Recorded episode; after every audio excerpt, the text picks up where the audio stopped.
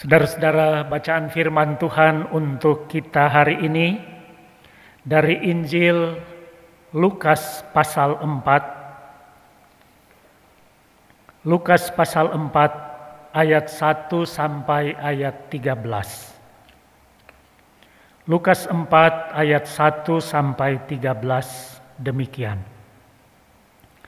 Yesus yang penuh dengan Roh Kudus kembali dari sungai Yordan, lalu dibawa oleh Roh Kudus ke padang gurun. Di situ ia tinggal empat puluh hari lamanya dan dicobai iblis.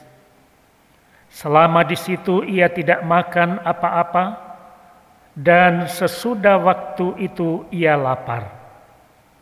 Lalu berkatalah iblis kepadanya, "Jika engkau anak Allah, suruhlah batu ini menjadi roti. Jawab Yesus kepadanya, ada tertulis, manusia hidup bukan dari roti saja.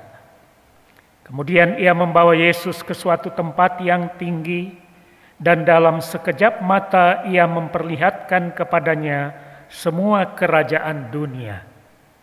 Kata iblis kepadanya, Segala kuasa itu serta kemuliaannya akan kuberikan kepadamu, sebab semuanya itu telah diserahkan kepadaku, dan aku memberikannya kepada siapa saja yang ku kehendaki.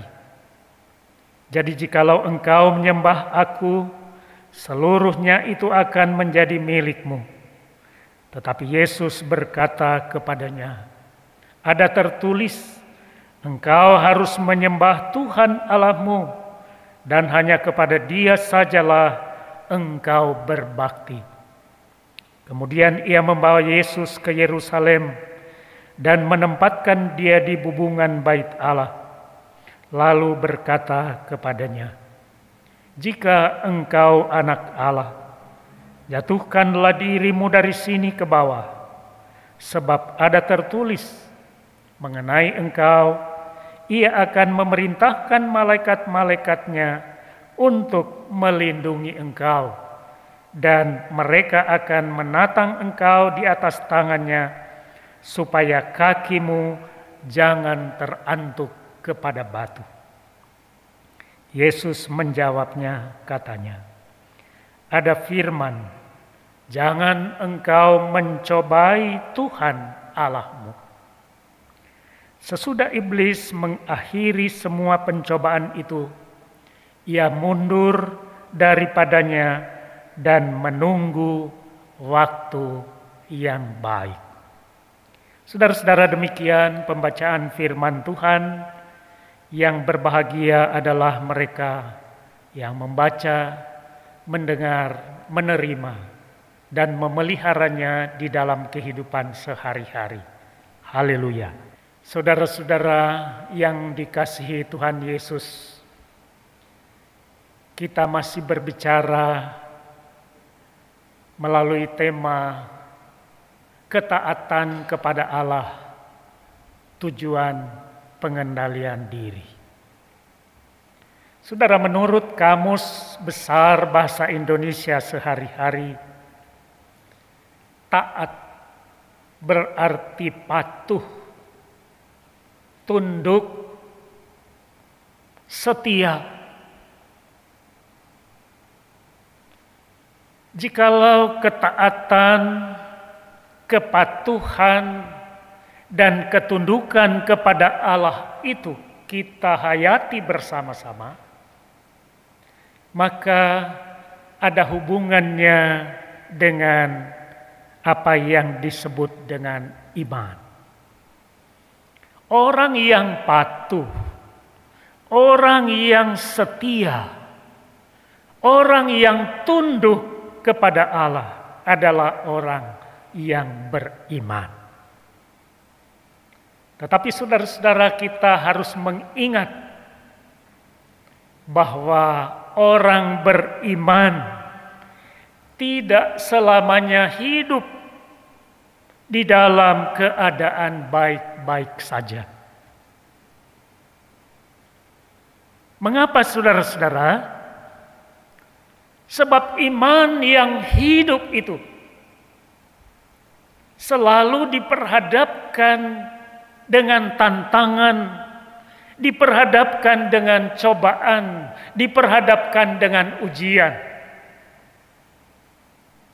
Setiap hari orang beriman diuji, dicobai.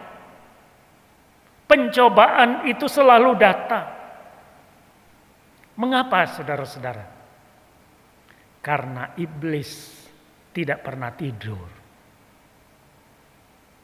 Iblis tidak pernah tidur.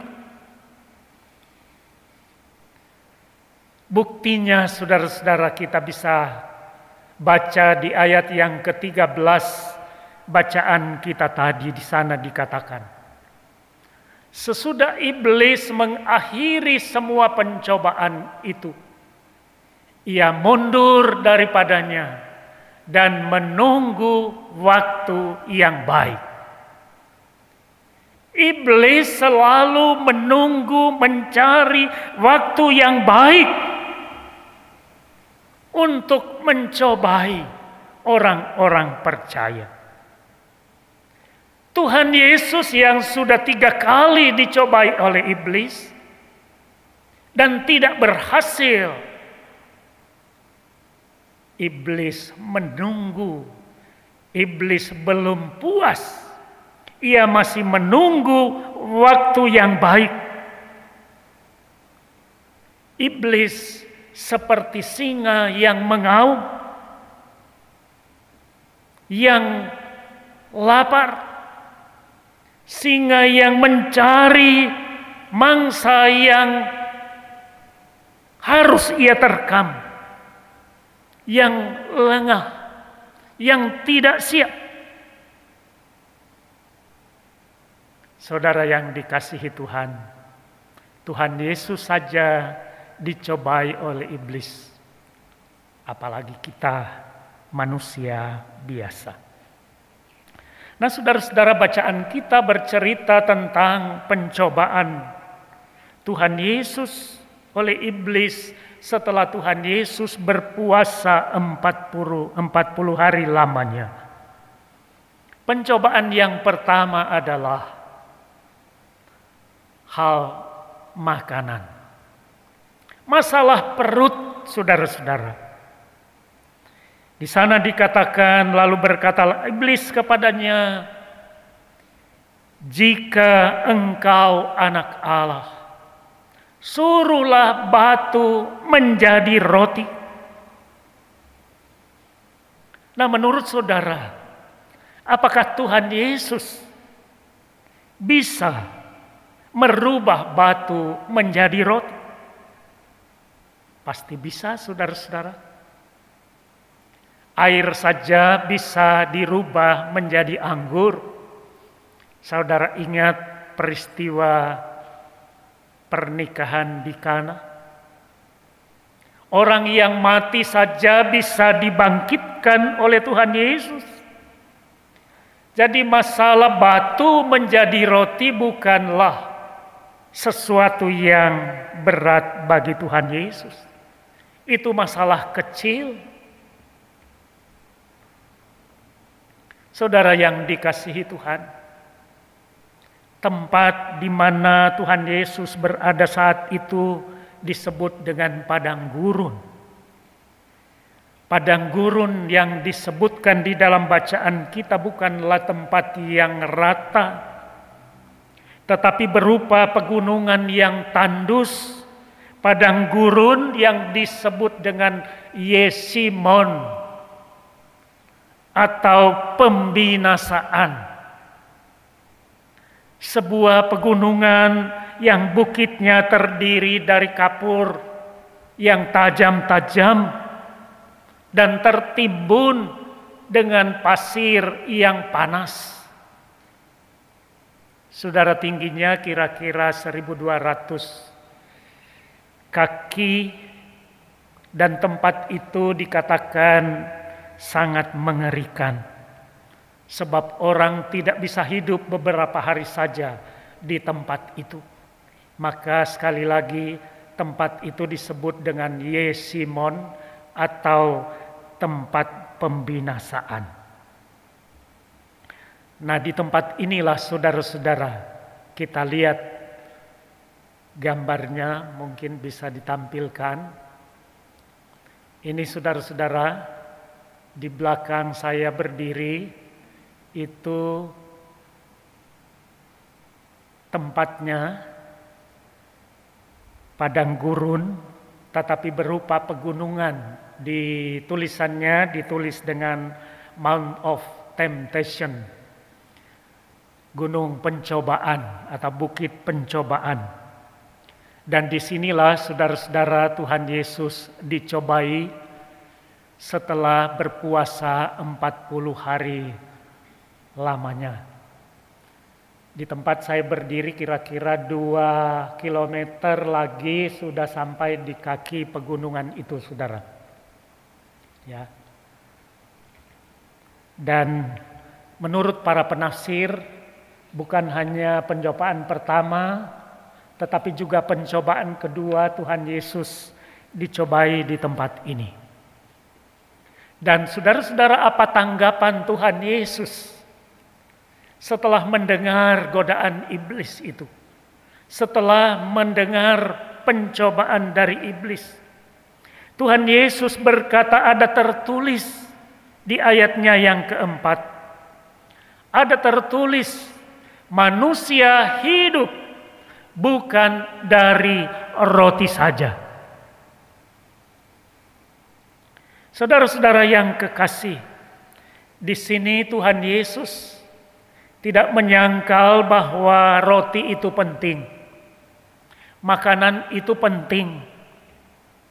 Tetapi bukan yang utama. Bukan yang terpenting. Di sini Tuhan Yesus mau mengajarkan kepada kita bahwa ketaatan kepada Allah itu lebih penting daripada makanan, daripada roti itu mempertahankan iman itu lebih penting daripada makanan itu. Kita ingat kata-kata Tuhan Yesus di Injil Matius pasal 6 ayatnya yang ke-33. Di sana Tuhan Yesus berkata, Carilah dahulu kerajaan Allah dan kebenarannya, maka semuanya itu akan ditambahkan kepadamu. Cari dahulu kerajaan Allah. Setia dan taat dulu kepada Allah. Maka Tuhan akan memberkati kita dengan makanan. Dengan roti yang cukup. Saudara-saudara yang dikasihi Tuhan Yesus Kristus. Tuhan Yesus menolak dan menyangkali apa yang disampaikan oleh iblis. Ia tidak menerima godaan iblis. Saudara yang dikasihi Tuhan, godaan yang kedua atau cobaan yang kedua adalah hal kuasa. Iblis membawa Tuhan Yesus ke tempat yang tinggi dan memperlihatkan kerajaan dunia. Kemudian ia berkata seperti ayat 6 dan 7. Segala kuasa itu serta kemuliaannya akan kuberikan kepadamu. Jadi jika engkau menyembah aku, seluruhnya itu akan menjadi milikmu. Kalau tadi iblis menggoda dari segi kebutuhan makan, maka sekarang dari masalah kuasa. Tetapi sekali lagi saudara-saudara, Tuhan Yesus tidak tergoda dengan rayuan iblis itu. Namun saudara di dalam kenyataan sehari-hari. Banyak orang yang jatuh karena mengejar kekuasaan. Banyak orang yang saling sikut, saling menjatuhkan untuk mengejar kekuasaan. Bahkan ada yang meninggalkan imannya untuk sebuah jabatan, untuk sebuah kekuasaan. Orang kehilangan pengendalian diri. Orang mengganti iman dengan ambisi mendapatkan kekuasaan. Tetapi bagaimana dengan Tuhan Yesus? Tuhan Yesus berkata di ayat yang ke-8. Ada tertulis, engkau harus menyembah Tuhan Allahmu dan hanya kepada dia sajalah engkau berbakti. Tuhan tidak terpengaruh. Yesus tidak terpengaruh dengan godaan kuasa itu. Ia menolak. Tetapi iblis belum puas. Ia kemudian mencobai Tuhan Yesus yang ketiga kali. Ia membawa Yesus kebubungan bait Allah di Yerusalem dan menggoda dalam masalah popularitas. Tuhan Yesus berkata di ayatnya yang ke-9 dan 10. Jika engkau anak Allah, jatuhkanlah dirimu dari sini ke bawah. Sebab ada tertulis mengenai engkau ia akan memerintahkan malaikatnya untuk melindungi engkau dan mereka akan menatang engkau di atas tangannya supaya kaki kakimu jangan terantuk kepada batu. Saudara yang kekasih di dalam Tuhan, biasanya umat Israel berkumpul di Yerusalem dan di sekeliling bait Allah penuh dengan manusia, penuh dengan orang-orang. Sehingga apabila Tuhan Yesus menjatuhkan diri dan tidak terjadi apa-apa, ia pasti semakin populer, pasti semakin terkenal tetapi saudara apa kata Tuhan Yesus? Ada firman, jangan engkau mencobai Tuhan Allahmu. Saudara-saudara yang dikasihi Tuhan, Tuhan Yesus dapat menguasai diri. Tuhan Yesus dapat mengendalikan dirinya dan taat kepada Allah sehingga ia dapat melawan segala cobaan. Ia menang atas berbagai cobaan. Berbeda saudara-saudara dengan sikap yang ditunjukkan oleh Simpson atau Hakim Simpson di Hakim-Hakim 16 yang sudah kita dengar bacaannya tadi di awal kebaktian ini. Simpson menghadapi pencobaan dan gagal dalam pencobaan itu. Sikap Simpson saudara-saudara memperlihatkan sikap yang tidak taat kepada Allah. Ia tunduk dan kalah kepada rengekan seorang wanita yang bernama Delila. Seorang kafir di mana Simpson jatuh cinta kepadanya. Sehingga ia tidak dapat mengendalikan dirinya. Ia hilang kesadaran sebagai nasir Allah, sebagai seorang hakim, sebagai hamba Tuhan Allah. Simpson, saudara-saudara, tidak menyikapi pencobaan dengan sikap iman yang bermutu. Ia tunduk pada rayuan Delila. Ia menyerah ia tidak taat kepada Allahnya. Saudara-saudara, apa yang terjadi kepada Simpson yang tidak dapat mengendalikan diri, yang tidak dapat taat, tidak dapat mempertahankan iman kepada Allah?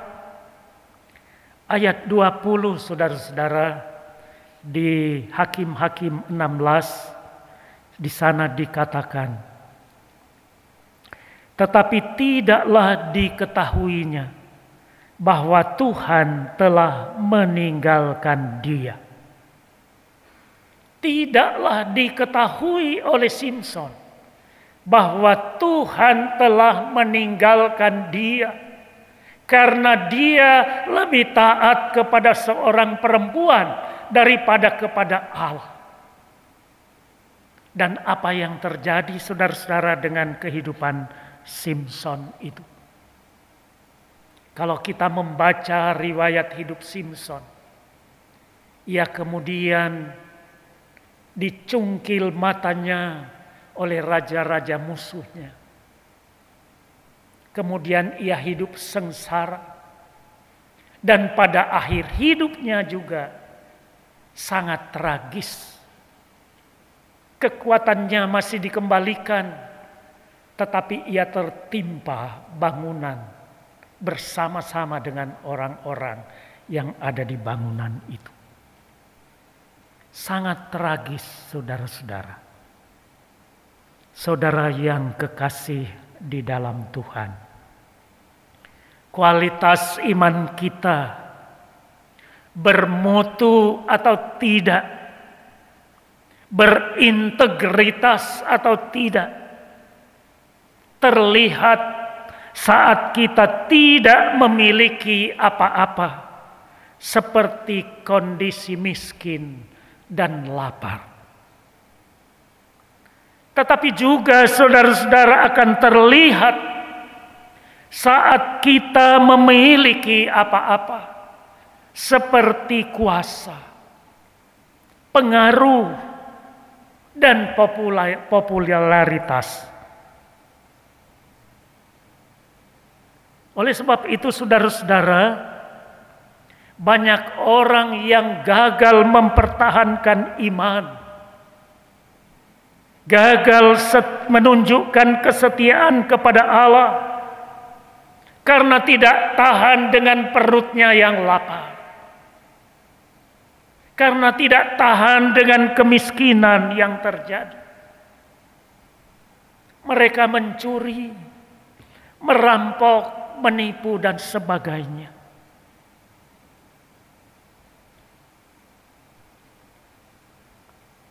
Orang gagal mempertahankan kesediaan kepada Tuhan karena mengejar kekuasaan. Mereka tidak taat kepada Allah. Mereka meraih kuasa itu. Tetapi kemudian menjadi orang yang tidak jujur, korupsi, menindas, melakukan yang tidak benar, melakukan yang tidak adil dan sebagainya. Ada juga yang mencari dan mengejar popularitas dengan cara-cara yang tidak benar. Bahkan ada yang sampai menjual diri untuk mendapatkan popularitas itu. Itu yang pertama, saudara-saudara. Yang kedua, Apakah kita menolak untuk mengkompromikan suatu tujuan yang tampak oleh mata mulia? Katanya karena cinta kepada seseorang, kepada seorang wanita atau kepada seorang pria, karena cinta sehingga ia mengingkari iman seperti Simpson tidak dapat mengendalikan diri. Orang tuanya menegur, mau jangan sama itu. Gimana sudah cinta dan seterusnya. Saudara yang dikasih Tuhan, akhirnya kunci untuk tetap punya iman yang tahan uji dan ketaatan kepada Allah dengan meneladani sikap Tuhan Yesus menghadapi pencobaan. Tetap taat kepada Allah dan dapat mengendalikan diri. Sekali lagi kita meneladani Kristus karena kita adalah pengikut-pengikut Kristus. Karena kita adalah anak-anak Tuhan. Kita adalah hamba-hamba Tuhan. Teladanilah Kristus yang telah memberi teladan menghadapi pencobaan. Sehingga apabila kita menghadapi pencobaan, kita tetap dapat mengendalikan diri. Tetap dapat mempertahankan iman kita kepadanya kita melakukan firman-Nya. Kita setia kepadanya. Saudara, mari kita terus bangun iman kita kepada Tuhan Yesus Kristus. Sebab hanya dengan sikap taat kepada Allah, hanya dengan berusaha mengendalikan diri, kita akan menang dan kita akan selamat. Tuhan memberkati kita semua. Amin.